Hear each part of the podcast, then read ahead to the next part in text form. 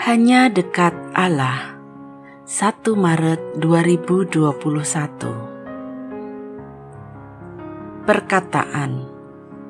Amsal 18 ayat 4 sampai 8 Dalam ayat 4 tertera Perkataan mulut orang adalah seperti air yang dalam, tetapi sumber hikmat adalah seperti batang air yang mengalir. Tak terlalu mudah memahami Amsal ini. Namun Alkitab Bahasa Indonesia masa kini menyatakan, perkataan orang dapat merupakan sumber kebijaksanaan dalam seperti samudra, segar seperti air yang mengalir.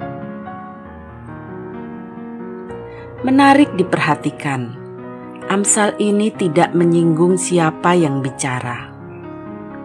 Itu berarti perkataan setiap orang bisa menjadi sumber kebijaksanaan bagi manusia lain, selama dia mau menyatakannya, dan tentu saja jika ada yang mendengarkannya. Persoalannya mungkin di sini, yang satu enggan bicara karena khawatir bukan hikmat yang keluar dari bibirnya. Sedangkan yang lain tak mau mendengarkan. Jalan keluarnya agaknya cuma satu. Yang satu harus merumuskan perkataan dengan sebaik-baiknya. Yang lain harus sudi mendengarkan setiap kata yang keluar dari orang lain tak peduli siapa pun orang itu. Sahabat, merumuskan kata merupakan suatu keterampilan, dan keterampilan adalah buah dari latihan. Dan kita perlu menguji setiap kata yang keluar dari mulut kita. Kita bisa menguji setiap rumusan kata kita dengan pernyataan Paulus kepada jemaat di Korintus segala sesuatu diperbolehkan. Benar, tetapi bukan segala sesuatu berguna. Segala sesuatu diperbolehkan. Benar, tetapi bukan segala sesuatu membangun.